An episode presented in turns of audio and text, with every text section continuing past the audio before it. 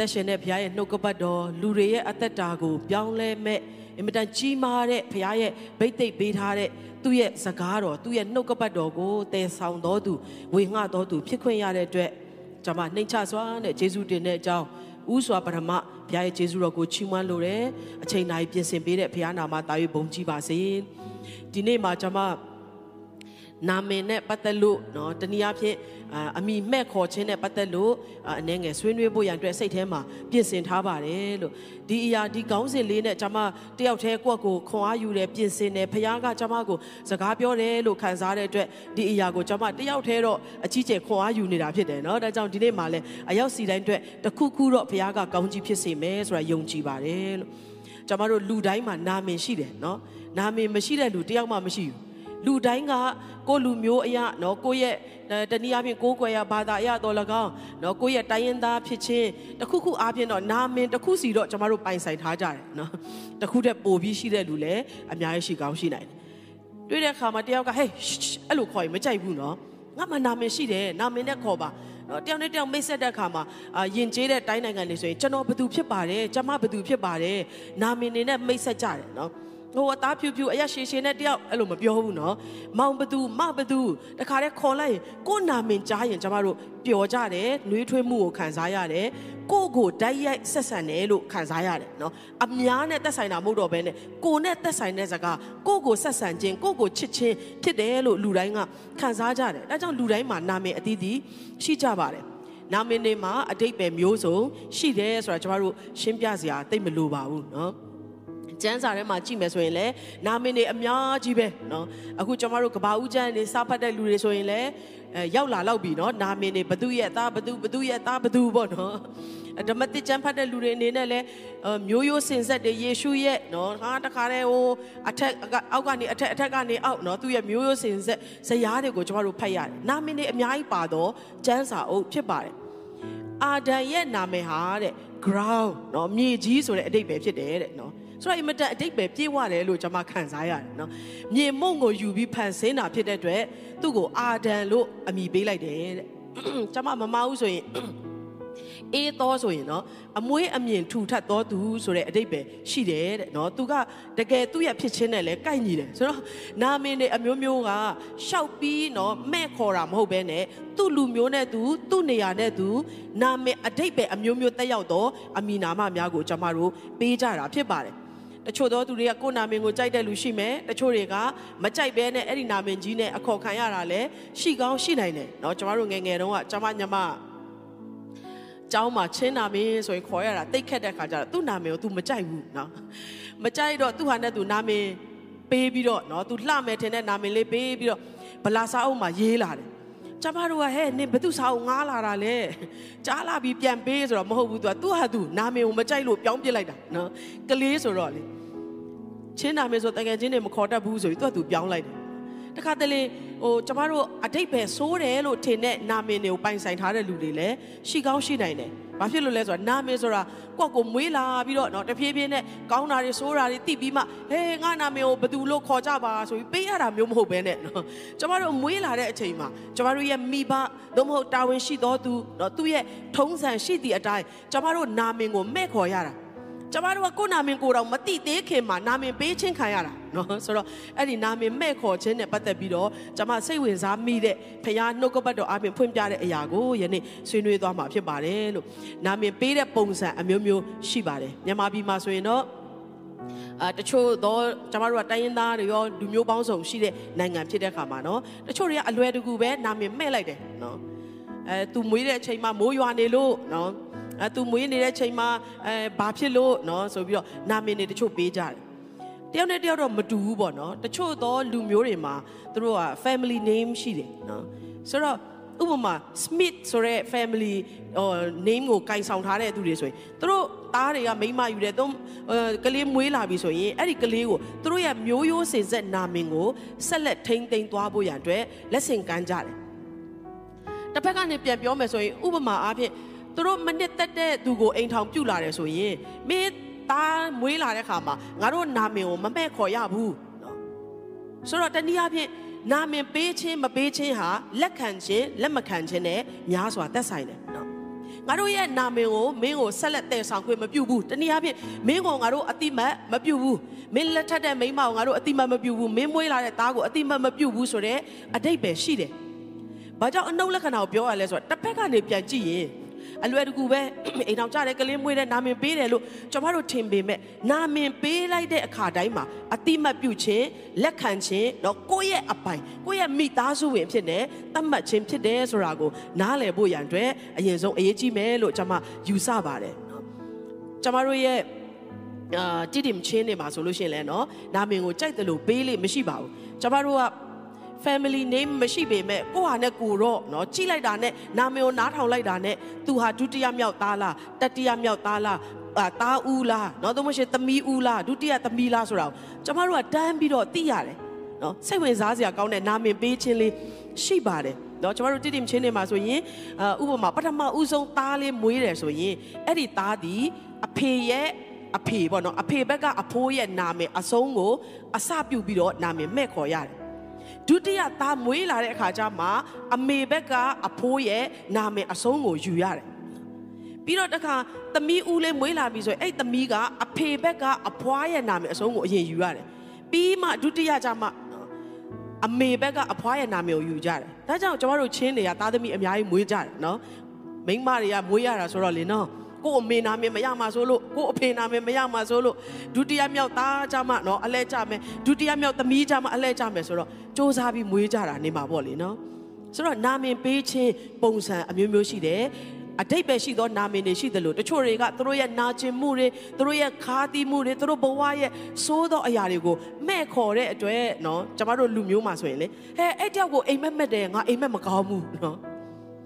သူ့နာမည်အတိတ်ပဲကြီးကသူရွေးတာမဟုတ်ပဲနဲ့အဖိုးဖွားတွေကသူတို့ရဲ့ဆုံးရှုံးတဲ့ဟာတွေသူတို့ရဲ့နာကျင်တဲ့ဟာတွေမဲ့လိုက်တဲ့ခါကျတော့ तू အဲ့နာမည်ကြီးကိုထမ်းထားရတာနော်လူတွေကသူ့ကိုအိမ်မက်ထဲမှာမြင်ရင်တောင်မှငါတို့တော့သွားပြီနော်တခုခုဆုံးရှုံးတော့မယ်အာငါတို့တော့အစည်းအတားကြီးနဲ့ကြုံတွေ့တော့မယ်စသဖြင့်နော်အမျိုးမျိုးကျွန်မတို့ကအတိတ်ပဲတွေဖွင့်ဆိုကြတယ် ဆိုတော့ကျမ်းစာထဲမှာနာမင်ပေးခြင်းနဲ့သက်ဆိုင်လို့ရှိရင်ခုနကျွန်မပြောသလိုပဲနာမင်ပေးခွင့်ရှိတော်သူရှိတယ်တနည်းအားဖြင့်နာမင်ပေးလိုက်တဲ့အခါမှာသူ့ရဲ့မိသားစုဝင်သူ့ရဲ့အုပ်ချုပ်သူသူ့ရဲ့တာဝန်ရှိတော်သူလို့အတိတ်ပဲရတယ်ပိုင်ဆိုင်မှုကိုလည်းပြတာဖြစ်ပါတယ်ဒါကြောင့်ကျွန်မရှေရှေဝေးဝေးအနှဲငယ် intro ရှင်းပြရခြင်းဖြစ်ပါတယ်ကျမ်းစာထဲမှာနှစ်ချင်းစရာယောဟန်ရဲ့နာမည်ပေးခြင်းကအနှဲငယ်စိတ်ဝင်စားစရာကောင်းတယ်လို့ကျွန်မမြင်ပါတယ်နော် သူ့ရဲ့နှစ်ချင်းစရာယောဟန်ရဲ့ဖခင်ကဇာခရိဖြစ်တယ်သူဟာယေဘရဟိတ်အလုပ်ကိုလုပ်တယ်နော်သူ့ရဲ့မိခင်ကနော်ကျွန်တော်တို့အေလိရှဘက်ဖြစ်တယ်သူကအာရုံအမျိုးအနွယ်ဖြစ်တယ်တဲ့နော်သူတို့နှစ်ယောက်ကအသက်ကြီးပြီးကလေးမရနိုင်ဘူးမြုံတယ်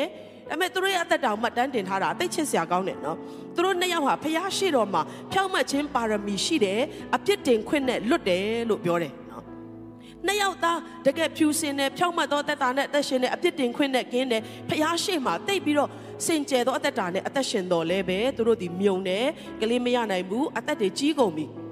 ဆိုတော့တရက်မှာတော့ယေဘရဟိတ်ကြီးဇာခရီကနေပြီးတော့သူ့ရဲ့အလှဲ့ကျလာတဲ့ခါမှာသူကယေဘရဟိတ်အမှုကိုလှုပ်ဖို့ရအတွက်သူကဒီဖခင်ရဲ့မျက်မှောက်တော်ထဲကိုနော်ပလင်တော်ရှေ့ကိုတိုးဝင်ချင်းကပ်လာတဲ့အခါမှာ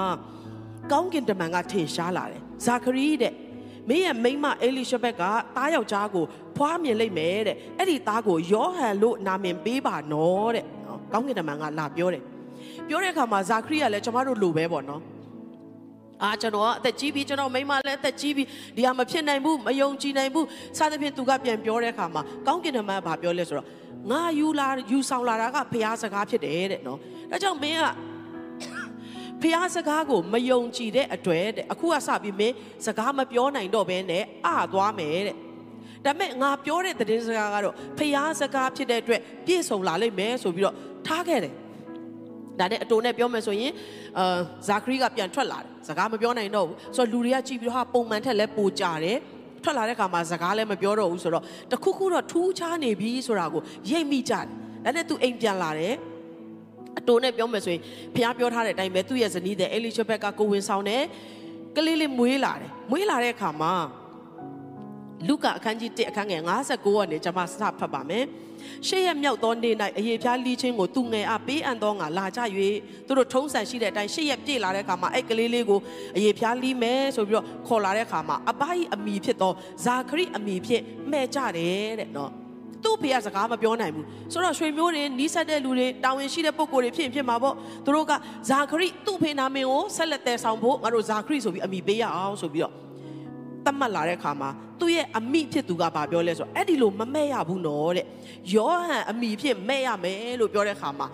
အသက်ကြီးသောသူเนาะသူ့ရဲ့ဆွေမျိုးသားချင်းတွေကဘာပြောကြလဲဆိုတော့ဟေးယောဟန်ဆိုတဲ့နာမည်နင်တို့မျိုးရိုးမှာမရှိဘူးတဲ့เนาะတယောက်မှမမဲ့ဘူးဘူး တနည်းအားဖြင့်ငါတို့ထုံးစံမဟုတ်ဘူးလောက်ရမယ့်အရာမဟုတ်ဘူးဆိုပြီးတော့ပြောတယ်ဒါပေမဲ့အဆွေမျိုးတို့မှာတယောက်ကတဲ့ဘာပြောလဲဆိုတော့သူ့ရဲ့အဖေကဘလို့မဲ့စေချင်တယ်လဲမသိဘူးနော်တဲ့နော်သူ့အဖေကိုမေးကြည့်ရအောင်ဆိုတော့ဒီယောဟန်ဒီကလေးလေးနော်သူတို့အသက်ကြီးမှမွေးလာတဲ့ဒီကလေးလေးဘာနာမည်ပေးတင်တယ်လဲဆိုတာကိုသူတို့လမ်းပေါ်မှာရှိတဲ့နော်ဟိုစီးပွားရေးသမားတယောက်တော့မဟုတ်ဆင်းရဲသားတယောက်တော့မဟုတ်တော့ကြည့်လို့ကောင်းတဲ့လူတယောက်ကိုမမေးဘူးသူ့ရဲ့အဖေကိုမေးတာဖြစ်တယ်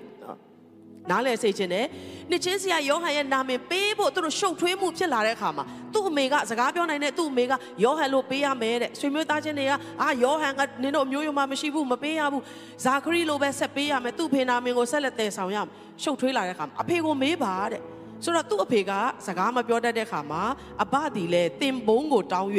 သူ၏အမိကယောဟန်ဖြစ်၏ဟုရေးလေတော့ ထိုသူအပေါင်းတို့သည်အံ့ဩခြင်းရှိကြ၏ထိုခဏချင်းတွင်ဇာခရိသည်နှုတ်ဖွင့်ခြင်းရှာလွတ်ခြင်းရှိသည်ဖြစ်၍စကားအားဖြင့်ဘုရားသခင်ယေရှုတော်ကိုချီးမွမ်းလေ၏ဟာလေလုယာဇာခရိကနေပြီးတော့ယောဟန်ဖြစ်တယ်တဲ့နော်ယောဟန်လို့မဲ့မဲ့မမဲ့ဘူးညင်းပွားစရာမရှိတော့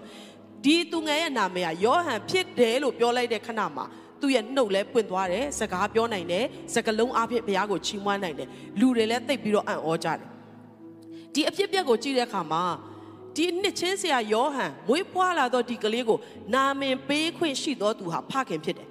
ဖခင်ရဲ့ဆုံးဖြတ်ချက်တနည်းအားဖြင့်စီရင်ပိုင်ခွင့်ရှိသောသူနာမည်ပေးပိုင်ခွင့်ရှိသောသူကသက်ဆိုင်သောသူကဖခင်ဖြစ်တယ်ဖခင်ကနာမည်ပေးလိုက်တဲ့အခါမှာအဲ့ဒီနာမည်ပေးခြင်းကဘာကိုပြလဲဆိုတော့သူကဒီသားရဲ့ဖခင်ဖြစ်တယ်သူ့မှာ authority ရှိတယ်ဒီသားကိုသူကပိုင်တယ်ဆိုတော့အတိတ်ပဲကိုပြပြဝဝပေါ်ပြထားတာဖြစ်တယ် ဒါကြောင့်ကျမ်းစာထဲမှာကျွန်တော်တို့အမတ်တမဲ့လို့လို့တိတ်ပြီးတော့မထူးဆန်းတယ်လို့ရှိတဲ့အဖြစ်အပျက်လေးတစ်ခုကဘာလဲဆိုတော့ဖခင်ကတရိษံတွေအားလုံးကိုဖန်ဆင်းပြီးတဲ့အခါမှာလေအာဒံကိုနာမည်ပေးခိုင်းတယ်နော်တနည်းအားဖြင့်ဒီလောကဖခင်ဖန်ဆင်းထားတဲ့အရာအားလုံးကိုလူကိုအပိုင်ပေးခြင်းလူကိုအုပ်ချုပ်ခွင့်ပေးခြင်းလူကိုစီရင်ပိုင်သော authority ကိုအနံ့ခြင်းဖြစ်တယ်လို့ယနေ့ကျမတို့နားလည်ရပါတယ်ဆိုတော့နာမည်အကြောင်းပေါ့နော်နာမည်မဲ့အချင်းအကြောင်း ဆိုတော့နာမည်မှာနော်မိဘတွေတော့မဟုတ်တာဝန်ရှိတဲ့လူတွေကနာမည်ပေးတဲ့ခါမှာတနည်းအားဖြင့်အဖိုးအဖွားစသဖြင့်နော်ကျွန်တော်တို့ထုံးစံတိုင်းနာမည်ပေးတဲ့ခါမှာအဲ့ဒီနာမည်လည်းတိတ်ပြီးတော့အရေးကြီးတယ်ကျမဆိုရင်ရှေ့သွားမှဆိုလို့မပြောတော့ကျမနာမည်ကတိတ်ချစ်စရာကောင်းတယ်နော်အတိတ်ပဲအင်မတန်လှတယ်နောက်ွယ်မှာအဲ့ဒီနာမည်ရဲ့နောက်ွယ်မှာရှိတဲ့သမိုင်းကြောင်းကအရန်လှပတဲ့ ပုံပြင်ဇလန်းလေးတစ်ခုရှိတယ်နော်နောက်ကြုံတဲ့ခါပြောပြပါမယ်ဒါကြောင့်ကျမကျမနာမည်ကိုအရန်မျက်နှိုးတယ်အရန်ချစ်တယ်နော်သဘောလဲကြတယ်ချစ်ချင်းမြတ်တာတွေကိုစုစည်းထားသောသူလို့အတိတ်ပဲရတယ်နော်စုစည်းထားခြင်းလို့အတိတ်ပဲရပါတယ်ကျမအဖွားကဟိုရှမ်းဗမာလူမျိုးဖြစ်ပေမဲ့သူကကျမကိုအင်မတန်လှပတဲ့ချင်းနာမည်ကိုပေးခဲ့တာဖြစ်ပါတယ်ဆိုတော့နာမည် เนาะကျမတို့ရထားတဲ့အခုရှိနေတဲ့ကျောင်းနာမည်ထားပါတော့အိမ်နာမည်เนาะဘာနာမည်ဖြစ်ဖြစ်ပေါ့လူတွေမဲ့ခေါ်တဲ့နာမည်လည်းအရေးကြီးပေမဲ့အဲ့ဒီလိုနာမည်နဲ့ပေါ်တင်တက်မခေါ်ပေမဲ့ကျမတို့ကိုတတ်လိုက်တဲ့နော်ဂုံပုတ်တယ်ကျမတို့ကိုတတ်ပေးလိုက်တဲ့နာမည်တချို့ရှိတယ်အဲ့ဒါကိုကျမတို့စိတ်ဝင်စားဖို့လိုအပ်တယ်နော်နည်းနည်းအရေးကြီးတယ်ဥပမာတငယ်ချင်းတွေကြားထဲမှာနည်းနည်းပတ်စံပေါ်တဲ့လူဘာညာဆိုရင်နာမည်နဲ့မခေါ်တော့ဘဲနဲ့ hey hi boss နော်ဆိုအနေနဲ့သူ့နာမည်က hi boss ဖြစ်သွားတယ်နော် တစ်ချိန်လုံးလက်ဖေးတိုက်လို့တစ်ချိန်လုံးမှုတ်ကျွေးလို့ဖြစ်ရင်ဖြစ်မှာပေါ့လေဆိုတော့တခါတလေမှာကျမတို့ရဲ့ကျောင်းနာမည်မဲ့ခေါ်သောနာမည်မဟုတ်တဲ့ကျမတို့ရဲ့ဖြစ်တည်မှုတစ်ခုခုကျမတို့ရဲ့အခြေအနေတစ်ခုခုကိုကိုစားပြုပြီးလူတွေကတတ်မှတ်လိုက်တဲ့သို့မဟုတ်ကိုယ့်ကိုတတ်မှတ်လိုက်တဲ့အမီနာမဂုံပုတ်တချို့ရှိတယ်ဆိုတာကိုနားလည်ရတယ်သဘောတူကြလားမသိဘူးเนาะဆိုတော့အတီးတီးရှိပါတယ်ဆိုတော့တခါတလေမှာကျမတို့မတိလိုက်တဲ့အချိန်မှာเนาะအာငါကလူတော့မတိုးတဲ့လူပဲเนาะ သို့မဟုတ်လို့ရှိရင်ဒီလူကနော်ငပြင်းပဲဒါမှမဟုတ်ရှင်ဒီလူကဘသူပဲဆိုပြီးတော့တတ်မှတ်လိုက်တဲ့အရာတွေတချို့ရှိတယ်နော်ဒီလူကလုံးဝနော်မွဲတေသောသူဖြစ်တယ်နော်မဒီလူကဆုံးရှုံးသောသူဖြစ်တယ်လို့ကျွန်မတို့ဂုံပုတ်ကိုတတ်လိုက်ပြီဆိုရင်အဲ့ဒီနာမည်ကလေခေါ်လို့ရတဲ့နာမည်မဟုတ်သည့်တိုင်အောင်လူတွေရဲ့သတ်မှတ်ချက်ကနော်ကျမတို့ခေါ်နေကြနာမင်ထက်ပို့ပြီးတော့ထိရောက်စွာအသက်တာမှာအလုံးလုံးတယ်ဆိုတာကိုလည်းယနေ့နားလည်ရတယ်အဲ့ဒါနဲ့ပတ်သက်ပြီးတော့ကျမစန်းစာတွေကလူပုဂ္ဂိုလ်တယောက်ရဲ့အကြောင်းကိုအနည်းငယ်ဝေမျှချင်ပါတယ် အဲ့ဒါကတော့ဘာတီမဲအကြောင်းဖြစ်တယ်နော်ကျမတို့အမြဲတမ်းလိုလိုကြားရတဲ့ဘာတီမဲရဲ့အကြောင်းဒီနေ့မှာအနည်းငယ်ဆွေးနွေးရအောင်ဘာတီမဲလို့ပြောတဲ့အခါမှာဘာဆိုတာကသားလို့အဓိပ္ပာယ်ရတယ်တီမဲရဲ့သားနော်တီမဲရဲ့နာမည်ဟာတဲ့မတန့်ရှင်းသောသူတနည်းအားဖြင့်အပြစ်သားလို့အဓိပ္ပာယ်ရတယ်တဲ့ဆိုတော့သူဒီမတန့်ရှင်းသောသူရဲ့သားသူ့နာမည်ကကိုကနော်အပြစ်သားတစ်ယောက်ရဲ့သား ဆိုတော့သူ့ရဲ့ကိုယ်ပိုင်နာမည်တိတ်မရှိဘူးလို့ကျမတို့သတ်မှတ်လို့ရတယ်အလွယ်ပြောမယ်ဆိုရင်သူ့ရဲ့အဖေကိုနိုင်ကကိုကမတန့်ရှင်းသောသူအဖြစ်နဲ့သတ်မှတ်ခြင်းကိုခံရတဲ့နာမည်ကိုရထားသောသူဖြစ်တယ်ဆိုတော့ကျမ်းစာကိုကျမတို့ဖတ်တဲ့အခါမှာကျမ်းစာကဘယ်လိုပြောထားလဲဆိုတော့ဘာတီမဲလို့ခေါ်တဲ့လူကန်းတယောက်ရှိတယ်တဲ့နော်သူ့ရဲ့နာမည်ကလူကန်းဆိုတော့ဒါကကျောင်းမှာ register လုပ်တဲ့နာမည်မဟုတ်သည့်တိုင်အောင်ပတ်ဝန်းကျင်မှာတစ်မြို့လုံးကသူ့ကိုနာမည်တက်ပေးထားတယ်လူကန်းနော် ဘာတီမဲလို့ခေါ်တဲ့လူကန်းနော်တီမဲရဲ့သားလူကန်းဆိုတော့ဒီလူကန်းဆိုတဲ့မျက်စိကန်းတော်သူဖြစ်ခြင်းဂုံပုတ်နာမကသူမွေးကလေးကကြားလာရတဲ့ဇကားသူ့ရဲ့နာမည်ဖြစ်နေတယ်သူ့ကိုဘသူလဲဆိုတာကိုပေါ်ပြသောနာမည်ပေါ့နော်ဖြစ်နေတယ်ဆိုတော့အတုံးနဲ့ပြောမယ်ဆိုရင်တရက်မှာယေရှုကသူရှိတဲ့မြို့ကိုရောက်လာလူအုပ်ကြီးရဲ့အတန်ကိုသူကြားတယ်အေးအခုလာနေတာဘသူလဲယေရှုဆိုတဲ့ခါမှာ သူဒီယေရှုကဟိုမြို့မှာဒီမြို့မှာဘာတွေကိုလုပ်ခဲ့တယ်ဘာတွေဖြစ်စေတယ်ဆိုတော့သူကကြားထားသောသူဖြစ်တဲ့ခါကျတော့ယေရှုရောက်လာတဲ့ခါမှာသူကအဲ့ဒီအခွင့်အရေးကိုအလွတ်မပေးဘူးဒီနေရာမှာသူ့ရဲ့ရွေးချယ်မှုသူ့ရဲ့ဆုံးဖြတ်ချက်ကအင်မတန်ချစ်စရာကောင်းတယ် ကျမတို့ဒါဆိုရင်ငါကလူကန်းပဲငါကတဒေါင်းစားပဲငါလှုပ်တတ်တာဘာမှမရှိဘူးငါအသက်တာပြောင်းလဲစရာဘာမှမရှိဘူးငါဟာတသက်လုံးတည်တဲ့အထိလူကန်းဆိုတဲ့နာမည်နဲ့တောင်းစားတော်သူဆိုတဲ့နာမည်နဲ့ခီးဆက်သွားရမယ့်သူဖြစ်တယ်လို့သူတတ်မှတ်လိုက်တယ်ဆိုရင်သူ့ရဲ့ဇက်လန်းကဒီနေ့ကျမ်းစာထဲမှာပါလာစရာအကြောင်းမရှိတော့ယနေ့ကျမတို့အသက်တာမှာနော်ဘာတီမဲကဲ့သို့ပဲတင့်ကိုလူကန်းသို့မဟုတ်ဆုံးရှုံးတော်သူဆင်းရဲတော်သူနော် ညဉ့်ညမ်းတော်သူမထိုက်တန်တော်သူအမျိုးမျိုးလူတွေတတ်မှတ်လိုက်မယ်နော်ကိုကိုကိုလည်းအခြေအနေကြည့်တဲ့အခါမှာအဲ့ဒီတတ်မှတ်ချက်အဲ့ဒီနာမည်ကတိတ်ပြီးတော့ကိုက်ညီတာပဲလို့ခံစားကောင်းခံစားလိမ့်မယ်ဒါပေမဲ့နော်ဘာတီမဲအသက်တာလေးကိုကျွန်တော်တို့ကြည့်ရအောင်သူကဘာလုပ်လဲဒါဝိရဲ့သားတော်ကျွန်တော်ကိုကယ်ပါလို့អော်တယ်တဲ့ လူတွေကသူ့ကိုစီးတားကြတယ်ဟဲ့ယေရှုကိုမနှောက်ရှက်နဲ့နော်ကွာကိုနေငိမ့်ငိမ့်နေဆိုပြီးတော့လူတွေကကြမ်းတမ်းဆိုတာသူ့ကိုစီးတားတော်လေသူကဘာလုပ်လဲဒါဝိရဲ့သားတော်ကျွန်တော်ကိုကယ်ပါသူဒီတဲ့ယေရှုကိုဘာနာမည်နဲ့ခေါ်တယ်လဲဆိုတာကလည်းအရန်ရေးကြီးတယ်နော်ဒီတဲ့ငါနာမ၌ဆုတောင်းရင်ရမယ်လို့ပြောတယ်ဒါကယေရှုဆိုတဲ့နာမယေရှုနာမနဲ့ဆုတောင်းပါ၏ဆိုတဲ့ခရိယန်များရဲ့ သုံးနေကြအသုံးနှုံးနဲ့တောင်းတာကိုရမယ်လို့ပြောတာမဟုတ်ဘဲနဲ့ယေရှုရဲ့နာမတော်ကိုသိဖို့နော်နားလည်ဖို့သိရေးကြီးတယ်ဒီနေ့ဘာတီမဲကဒါဝိရဲ့သားတော်ယေရှုတဲ့တနည်းအားဖြင့်မေရှိယလို့သူကခေါင်းစဉ်တက်လိုက်တယ်အမီနာမကိုတက်ပြီးတော့ခေါ်လိုက်တဲ့အခါမှာသူကယေရှုကိုနာမင်တက်တာမှန်တဲ့အတွက်ကြော်သွားပြီးသားယေရှုကပြန်လှည့်လာဟာလေလုယာသူ့ကိုခေါ်လာတယ်နော်စီတာတော်ရတဲ့အားလုံးကိုကြော်ပြီးတော့ ငါစီကိုခေါ်လာခဲ့ပါလို့ပြောတဲ့အခါမှာဘာဒီမဲကယေရှုစီရောက်သွားတယ်အတူနဲ့ပြောမယ်ဆိုရင်သူမျက်စိပြန်မြင်လာတယ်ဟာလေလုယာအဲ့ဒီနေရာလေးမှာကျွန်မဘာကိုခွန်အားရလဲဆိုတော့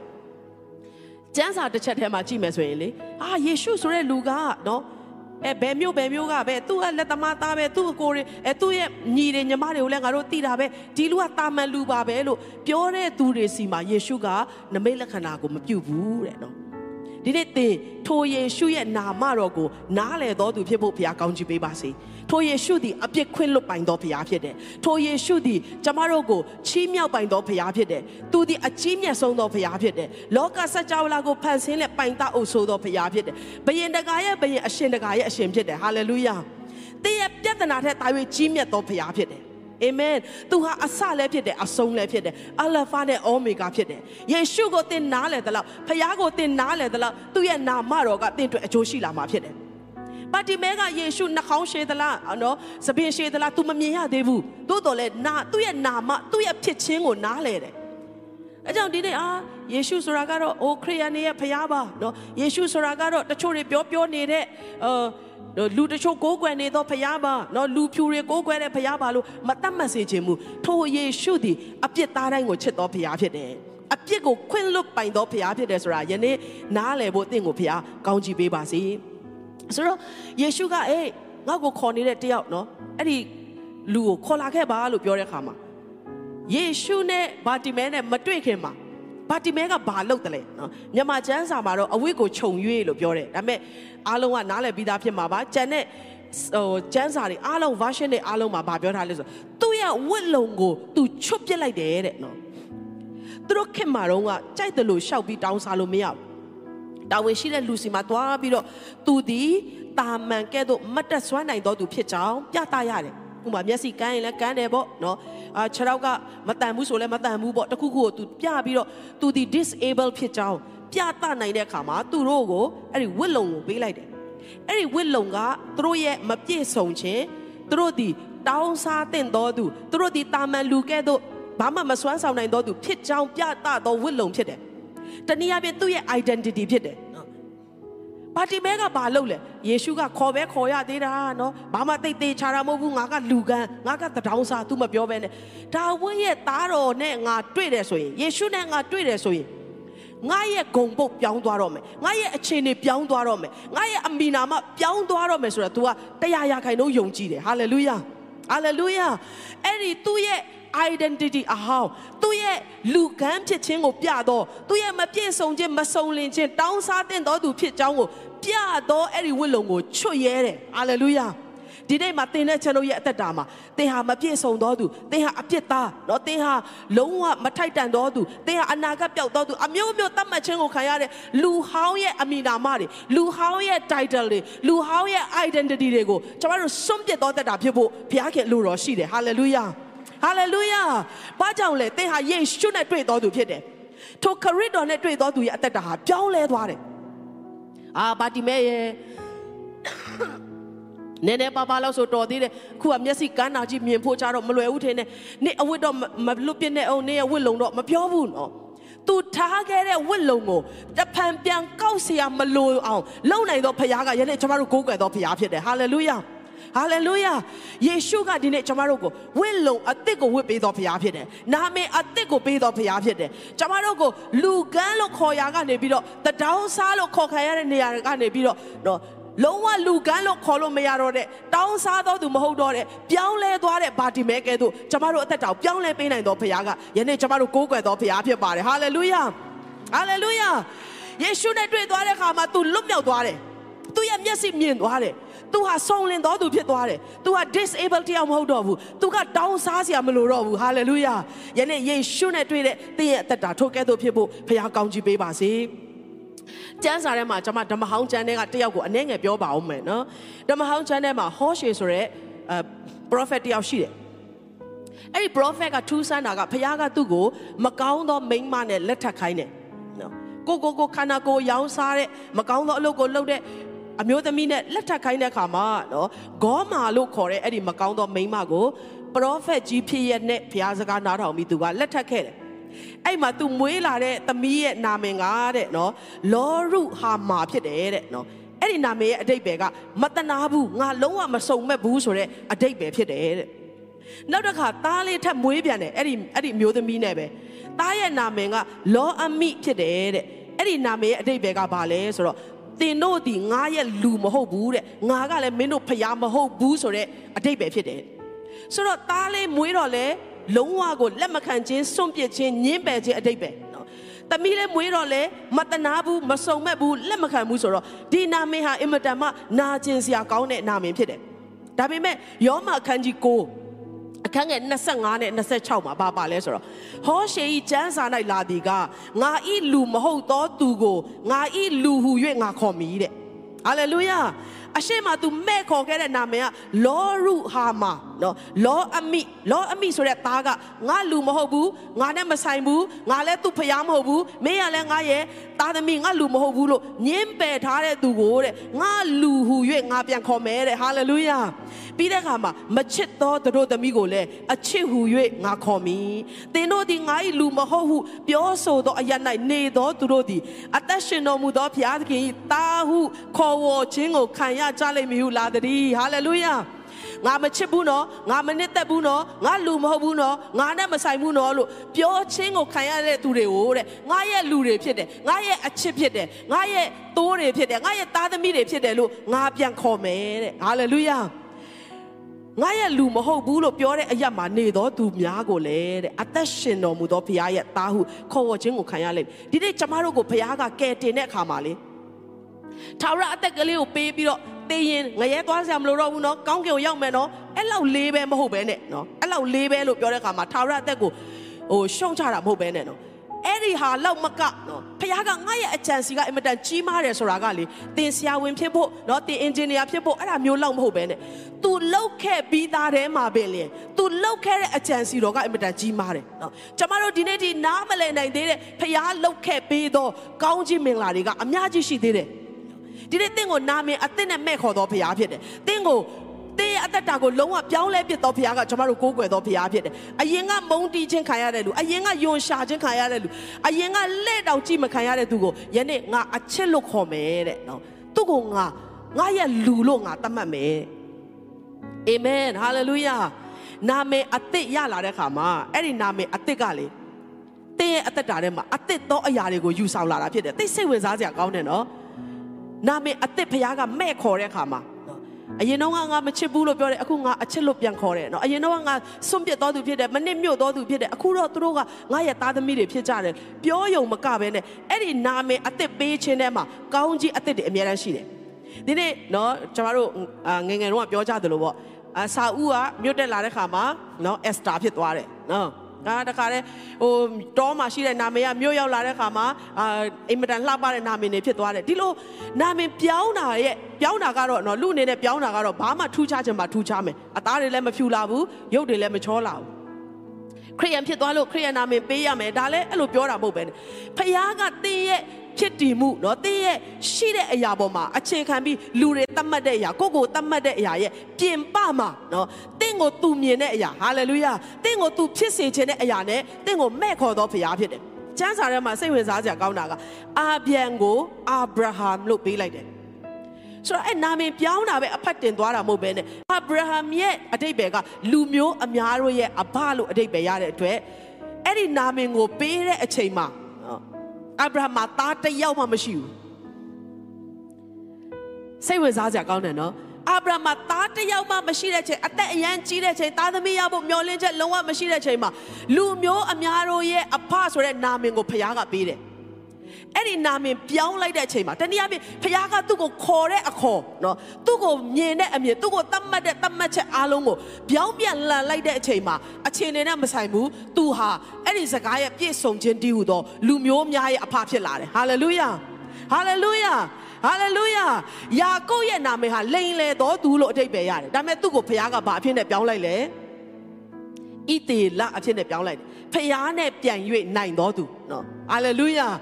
တကယ်ပဲသူ့ရဲ့တက်တာမှာကြီးမားသောအဲ့ဒီနာမည်ရဲ့ဗိတ်သိက်ကောင်းကြီးတွေကိုခံစားရတယ်ရှိမုံဆိုတာကကျွန်တော်တို့အမြဲတမ်းသိတယ်နော်သူ့နာမည်ကကျူပင်ဆိုတဲ့အတိတ်ပဲအမြဲတမ်းရိမ့်နွဲ့တဲ့ခိုင်မာမှုမရှိဘူးနော်ဟိုရိုင်ဒီရိုင်နဲ့ရိုင်တယ်ဟာနာမည်နဲ့လိုက်လိုက်တာကွာနော်ယေရှုကိုတော့မှ၃ချိန်တိုင်အောင်ညင်းတယ်နော် အာတခါတည်းယေရှုခဏလေးမရှိတော့ဘူးဆိုတာနဲ့ငါပြန်များတယ်သူများတွေကိုပါဆွဲခေါ်ဒီကောင်ကျူပင်ပဲဒီနာမင်းနဲ့သိမ့်လိုက်တယ်လို့ကျမတို့ကတတ်မှတ်ကောင်းတတ်မှတ်လိုက်မယ်ဒါပေမဲ့ဘုရားကဘာပြောလဲမင်းကအခုကစားရှိမုံလို့ခေါ်မခေါ်ရတော့ဘူးတဲ့မင်းဟာပေဒီယုဖြစ်သွားပြီပေဒီယုရဲ့အဓိပ္ပာယ်ကဘာလဲကြောက်လို့အဓိပ္ပာယ်ရတယ်ဆိုတော့ရှိမုံရဲ့အသက်တာဟာ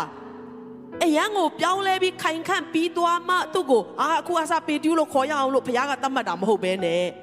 ဖခင်ကပြောင်းပြီးခေါ်လိုက်တဲ့အချိန်မှာဟာလေလုယာဖခင်ကသူ့ရဲ့ဖြစ်ခြင်းကိုပြောင်းလဲပြီးခေါ်ဝေါ်တတ်မှတ်လိုက်တဲ့အချိန်မှာအဲ့ဒီနာမည်ရဲ့ပြည့်စုံခြင်းကအနောက်ကလိုက်လာတာဖြစ်တယ်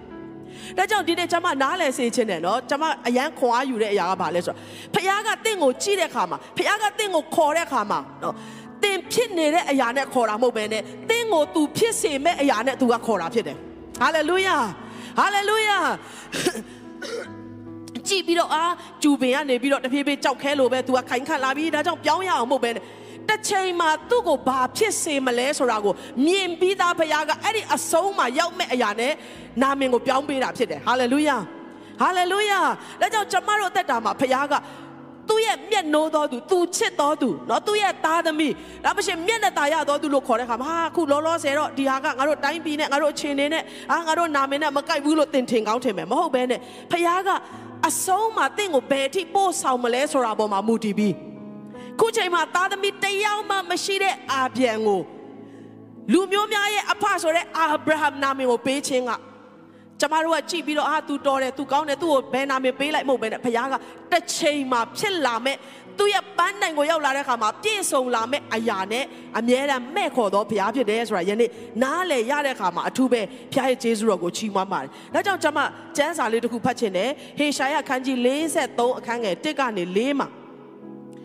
အိုယာကုပ်အမျိုးဣသေလအနွယ်တင့်ကိုဖန်ဆင်းပြုပြင်တော်မူသောထာဝရဘုရားမိန်တော်မူသည်ကားမစိုးရိမ်နဲ့တင့်ကိုငါရွေးနှုတ်ပြီးငါနာမဖြင့်မဲ့ပြီးတင့်ကိုငါဆိုင်ဤဟာလေလုယာ ဘုရားကတင့်ကိုနာမည်နဲ့မဲ့ခေါ်တဲ့အခါမှာ နော်လှတဲ့နာမည်တစ်ခုကောက်ပေးလိုက်မယ်မဟုတ်ပဲနဲ့တင်းကို तू ဆိုင်တဲ့အကြောင်း तू ပိုင်တဲ့အကြောင်း तू ကပြတာခြင်းဖြစ်တယ်ဟာလေလုယာဒါငါလူနော်ဒါငါသားသမီးနော်ငါရွေးထားတော်သူနော်ငါနဲ့ဆိုင်တယ်လို့ဘုရားကပြောနေခြင်းဖြစ်တယ်ဟာလေလုယာဟာလေလုယာပြီးတော့နာမည်ပေးတဲ့ခါမှာသူကဟိုနာမည်လေးကောင်းမယ်ဒီနာမည်လေးကောင်းမယ်မြန်မာပြည်မှာတိတ်ခစ်စားတယ်နော်အာကျွန်တော်တို့ဘယ်နေ့မှမွေးတယ်လဲဒါမှမဟုတ်ဒီအချိန်မှာဘာတွေဖြစ်နိုင်တယ်လဲဟိုလူကိုမေးဒီလူကိုမေးမဟုတ်ဘဲနဲ့ဖခင်ကဘာပြောလဲငါနာမ၌တင့်ကိုမဲ့ခေါ်တယ်တဲ့ တနည်းအားဖြင့်သူ့ရဲ့ family name ကိုကျွန်တော်တို့ကိုပေးလိုက်တာဖြစ်တယ်သူ့ရဲ့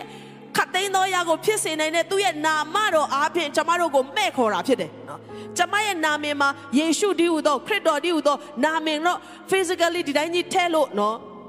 ထဲတာမျိုးဖြစ်ချင်မှဖြစ်မယ်ဒါပေမဲ့တေချာတာကတော့ဖခင်ကသူ့နာမနဲ့ကျမကိုမဲ့ထားတာဖြစ်တယ် ဟာလေလုယာကျမဟာသူနဲ့ဆိုင်တော်သူဖြစ်တယ်သူကလည်းကျမနဲ့သက်ဆိုင်တော်သူဖြစ်တယ်ကျမကိုသူက authority ရှိတော်သူဖြစ်တယ်ကျမရဲ့အသက်တာထဲမှာစိုးဆန်တော်ဖခင်ဖြစ်တယ်ဆိုတာကိုယနေ့နားလည်ရတယ် ကျမ်းစာကဘာဆက်ပြောလဲဆိုတော့တင်းဒီရေကိုရှောက်သွားသောအခါတင်းနဲ့အတူငါရှိ၏မြစ်တို့ကိုရှောက်သွားသောအခါမနစ်မွန်းရမီးကိုချင်းနှင်းသောအခါ၌လည်းမလောင်ရမီးလျံလည်းမညစ်ရအကြောင်းမူကားငါသည်တင်း၏ဖျားခင်ထာဝရဖျားဖြစ်တင်းကိုရွေးတော်မူသောသခင်ဣသေလမျိုး၏တန်ရှင်းသောဖျားဖြစ်တင်းကိုရွေးဖို့အဲဂုတ်တုပြည်ကို၎င်းတင်းအတွက်ကုရှပြည်နှင့်တေဘပြည်ကို၎င်းငါပေး၏အခန်းငယ်၄ကို အတူတူကဖတ်ရအောင်တင်ဒီငါမျက်နှိုးရာဖြစ်သောကြောင့်အတရေရှိပြီငါလည်းချစ်၏ဟာလေလုယာသင်ဟာစွန့်ပစ်ခြင်းခံရတော့သူလို့တစ်ချိန်လုံးလူတွေကတတ်မှတ်ကောင်းတတ်မှတ်လိမ့်မယ်သင်ကိုယ့်အလုပ်ကခံစားပြီးတော့ကိုယ့်ကိုယ်ကိုအဲ့လိုတတ်မှတ်ကောင်းတတ်မှတ်လိမ့်မယ်ဒါပေမဲ့ဘုရားကဘာပြောလဲသင်ဟာငါမျက်နှိုးရာဖြစ်သောကြောင့်အတရေရှိပြီလောကနဲ့ပြောင်းပြန်မယ်နော်လောကကတော့မင်းကအတရေရှိတဲ့အတွက်ငါမျက်နှိုးတယ်လို့ပြောကောင်းပြောလိမ့်မယ်ဘုရားကဘာပြောလဲ တင်းဒီငါမျက်နှိုးရာဖြစ်သောကြောင့်အတရေရှိပြီဒီနေ့ကိုယ့်ရဲ့ကိုယ့်ရဲ့ရင်ပတ်လေးကိုကိုပုတ်ပြီးတော့ငါဟာဖခင်ရဲ့မျက်နှိုးရာဖြစ်တယ်လို့ဝန်ခံရအောင်ဟာလေလုယာတချို့သောသူတွေလူတွေရှေ့မှာမပြောပေမဲ့ကိုဟာအစွန့်ပစ်ခံကိုဟာတန်ဖိုးမရှိတော့သူကိုဟာလူတယောက်ကမှချစ်မြတ်နိုးခြင်းကိုမခံရတော့သူလို့တစ်သက်လုံးသင်ခံစားရတယ်ဆိုရင်ဒီနေ့မမားနိုင်တဲ့ဘုရားရဲ့နှုတ်ကပတ်တော်ကဘာပြောလဲသင်ဟာငါမျက်နှိုးရာဖြစ်တဲ့အတွက်အသေးရရှိတော်သူဖြစ်တယ်ဟာလေလုယာတင့်တယ်တော်သူဖြစ်တယ် လှပတော်သူဖြစ်တယ်ဟာလေလုယာဘာကြောင့်လဲလောကအစင်ရင်အပြည့်အစင်တင့်ရဲ့တန်းပညာတင့်ရဲ့ဘွဲ့တွေကြောင့်မဟုတ်ဘူးတင့်ရဲ့မျိုးရိုးကြောင့်မဟုတ်ဘူးဖခင်ကတင့်ကိုမျက်နှိုးလို့ဖြစ်တယ်ဟာလေလုယာဖခင်ရဲ့မျက်နှိုးရာဟာငါဖြစ်တယ်ဆိုတာတင်သိတယ်ဆိုရင်အနှုတ်လက္ခဏာအတွေးခေါ်တွေအားလုံးကသစ်စီကနေထွက်သွားမှာဖြစ်တယ် ငါလည်းချစ်တယ်တဲ့ထို့ကြောင့်တင့်အတွက်လူတို့ကို၎င်းတင်း၏အသက်အတွက်လူမျိုးတို့ကို၎င်းငါပေးမိ NLD ထဲမှာဗာပြောလဲဆိုမင်းဟာတဲ့ငါအတွက်အယံတန်ဖိုးရှိတဲ့အတွက်တဲ့မင်းကိုရဖို့အတွက်ငါအရာအားလုံးနဲ့လဲလှယ်ရဲတယ်ဟာလေလုယာဖခင်ရဲ့မြတ်တာကအဲ့လောက်ထိကြီးမားတာဖြစ်တယ်။ဒါကြောင့်ကျွန်တော်တို့အများနဲ့ပြောပြောနေတဲ့ရာဇဝင်ချုပ်ဒုတိယဆောင်ထဲမှာငါနာမဖြင့်သမုတ်သောငါလူတို့သည်တဲ့နော်။ ကျမတို့ကဖတ်လိုက်ရင်တကြောင်နဲ့ပဲဘာမှတိတ်မထူးခြားသလိုခံစားရတယ်ဖခင်ကပြောတယ်ငါနာမဖြင့်သမုတ်တော့ငါလူနော်အဲ့ဒီစကားကဒီနေ့ကျမတို့အတွက်ဖြစ်ဖို့နော်ကျမတို့နားလည်ပြီးအပိုင်သိမ်းသောစကားလုံးဖြစ်ဖို့ဖခင်ကောင်းချီးပေးပါစေဖခင်ကတင့်ကိုသူ့နာမနဲ့သမုတ်ထားတာဖြစ်တယ် ဟာလေလုယာဒါကြောင့်ဖခင်ရဲ့နာမဟာကျွန်တော်တို့အပိုင်ဖြစ်တယ်နော်ကျွန်တော်တို့ဥစ္စာဖြစ်တယ်ဟာလေလုယာဒါကြောင့်ငါနာမနဲ့တောင်းရင်ပေးမယ်ဆိုတာကအချီးနှီးပြောတာမဟုတ်ဘူးဒီနေ့သူ့နာမနဲ့ကျွန်တော်တို့ကိုမဲ့ခေါ်ပြီးတော့သူ့ရဲ့အပိုင်ဖြစ်စေတော်ဖခင်ကျွန်တော်တို့ကိုးကွယ်တော်ဖခင်ဖြစ်တယ်နောက်ဆုံးအနေနဲ့ကျွန်မနောမီအကြောင်းလေးအနေငယ်ပြောချင်တယ် နော်မီဆိုတာကျမတို့အားလုံးသိပြီးသားဖြစ်တယ်သူ့မှာခင်မွန်းတဲ့ရှိတယ်သားနှစ်ယောက်ရှိတယ်သူတို့နေတဲ့တိုင်းပြည်ကအစာခေါင်းပါလာတဲ့ခါမှာသူတို့ဒီတိုင်းတစ်ပါးကိုသွားပြီးတော့အသက်ရှင်တန်နိုင်ဖို့ရန်အတွက်သူတို့ရွှေ့ပြောင်းသွားကြတယ်အဲ့ဒါသူ့ယောက်ျားလည်းတည်တယ်သူ့သားနှစ်ယောက်လည်းတည်တယ်နောက်ဆုံးမှသူ့ရဲ့ချွေးမနှစ်ယောက်ကျန်တယ်သူ့တိုင်းပြည်ကိုပြန်လာမယ်ဆိုတဲ့အချိန်မှာချွေးမအကြီးကနေခဲ့တယ်ချွေးမအငယ်ရူတာကတော့သူနဲ့လိုက်လာတယ် ဆိုတော့သူ့မျိုးသူ့ရောက်ပြန်ရောက်တဲ့ခါမှာသူ့လူဟောင်းတွေကသူ့ရဲ့မိတ်ဆွေဟောင်းတွေကဟာနောမီပြန်လာပြီဟဲ့အဲဟိုတယောက်ကနောမီမဟုတ်ဘူးလားပြောကြတဲ့ခါမှာသူကဘာပြောလဲဟေးငါ့ကိုနောမီလို့မခေါ်နဲ့တော့နောမီဆိုတဲ့နာမည်ဒီလှပတင့်တယ်သောသူမျက်နှာตาရသောသူနော်ကောင်းတဲ့နာမည်ဖြစ်တယ်ဒါပေမဲ့ तू ကဘာပြောလဲငါ့ကိုနောမီလို့မခေါ်နဲ့တော့တဲ့ငါဘိုးကအရန်ကြမ်းတမ်းခဲ့တယ်ငါဆုံးရှုံးခဲ့တယ်လက်ပလာနဲ့ငါပြန်လာရတယ် ဒါကြောင့်ငါ့ကိုတဲ့မာရလို့ခေါ်ပါတနည်းအားဖြင့်ခါတီးတော်သူခါတီးချင်းရှိတော်သူရတော်သူအနေနဲ့ငါ့ကိုတတ်မှတ်ကြပါလို့သူကဝန်ခံတယ်ဒါပေမဲ့တိတ်ချစ်စရာကောင်းတဲ့ဖခင်ကလည်းသူ့ကိုအာဟုတ်ပြီကွာပြောင်းလိုက်ကွာခုကစမာရနော်နင်ကခါတီးတော်သူနော်ဘဝအင်မတန်ခါတီးတော်သူဆုံးရှုံးတော်သူဖြစ်တယ်ကဲကောင်းတယ်နှစ်ဘဝအခြေအနေနဲ့ကြိုက်သားပဲခုကစပြောင်းလိုက်လို့မပြောဘဲနဲ့ သူပြောထားတဲ့အတိုင်းနောမီဆိုတဲ့နာမည်လှပခြင်းတင့်တယ်ခြင်းမျက်နှာသာရခြင်းမပြည့်စုံမခြင်းဘုရားကဆွဲခေါ်တယ်ဟာလေလုယာကျမ်းစာထဲမှာကျွန်တော်တို့ကြည့်မယ်ဆိုရင်နောမီဆိုတဲ့နာမည်ကို16ကြိမ်မကဘုရားကခေါ်ထားတယ်ဆိုတာကိုကျွန်တော်တို့တွေ့ရတယ်နောက်ဆုံးမှာသူပြောတဲ့လက်ချီးပလားခါသီးတဲ့အသက်တာအားလုံးကိုမေ့လောက်တဲ့အထိသူ့ရဲ့အသက်တာကိုဘုရားကရူတာအားဖြင့် ပြန်လဲကောင်းချီးပေးတယ်နောက်ဆုံးမှာနော်ရူတာနဲ့ဘောဇအားဖြင့်မွေးဖွာလာတဲ့သားသမီးတွေအားဖြင့်သူဟာတကယ်ပဲတင့်တယ်တော်သူလှပတော်သူပြန်ပြီးတော့ဖြစ်ခွင့်ရခဲ့တယ်ဒီနေ့ကျွန်တော်တို့တက်တာမှာလောလောဆယ်ကြုံတွေ့နေရတဲ့အခြေအနေကြောင့်နော်ငါ့ကိုနော်မီလို့မခေါ်နဲ့တော့နော် ငါ့ကိုခါတီးတော်သူလို့ပဲခေါ်လိုက်တော့ငါ့ကိုဆုံးရှုံးတော်သူလို့ပဲခေါ်လိုက်တော့ငါ့ကိုစွန့်ပစ်ခြင်းခံရတော်သူရုပ်ဆိုးတော်သူအကြီးတန်းတော်သူလို့ပဲခေါ်လိုက်ပါတော့လို့နာမည်ကိုနာမည်ကိုတောင်ပြောင်းချင်လောက်တဲ့အထိရှိနေတော်သူတစုံတယောက်ဒီ live ကိုကြည့်နေတယ်ဆိုရင်ဒီနေ့ဖခင်ကတင့်ကိုငါရဲ့ညက်နိုးတော်သူလို့ဆက်ပြီးတော့ခေါ်နေစေပဲဖြစ်တယ်ဆိုတော့နှုတ်ကပတ်တော်ရဲ့တည်င်းစကားကျမရတဲ့ခါမှာကျမကိုယ်တိုင်လည်းအထူးပဲကောင်းကြီးခံစားရတယ်တင့်အတွက်လည်းကောင်းကြီးဖြစ်မယ်လို့ယုံကြည်ပါတယ်ဒါကြောင့် ဖခင်သားသမီးဖြစ်ရတဲ့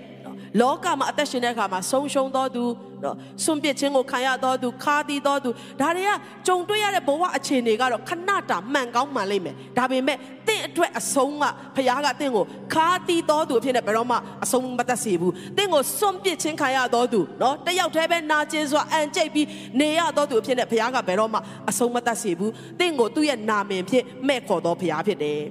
သင်ကဖျားပိုင်တော်သူဖြစ်တယ်ဟာလေလုယာသင်ရဲ့ပိုင်ရှင်ကဖျားဖြစ်တယ်သင်ကိုနာမည်ပြောင်းပိုင်ခွင့်ရှိတော်သူကဒီနေ့သင်ရဲ့အဖဖြစ်တယ်ဟာလေလုယာဟာလေလုယာ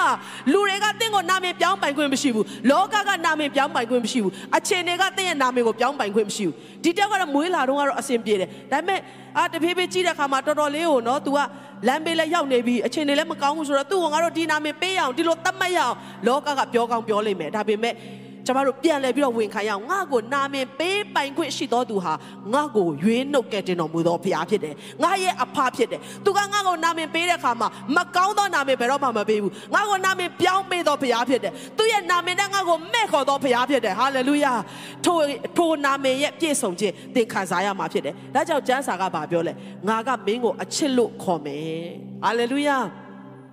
သင်ကငါမျက်နှိုးတော်သူ နော်သင်ဟာငါရဲ့မျက်နှိုးရာဖြစ်တယ်လို့ငါပြောမယ်နော်သင်ဟာအတရေရှိတော်သူဖြစ်တယ်ငါနှစ်သက်တော်သူဖြစ်တယ်လှပတင့်တယ်တော်သူဖြစ်တယ်ဒါကြောင့်ကျမ်းစာတစ်ပိုက်ကပါပြောလဲအားနေတော်သူကငါအားကြီးတော်သူဖြစ်တယ်လို့ဝန်ခံရမယ်တဲ့ဆေးရဲတော်သူကငါဟာချမ်းသာတော်သူဖြစ်ပြီလို့ဝန်ခံရမယ်ဘသူကြောင့်လဲယေရှုကြောင့်ဖြစ်တယ်ဟာလေလုယာ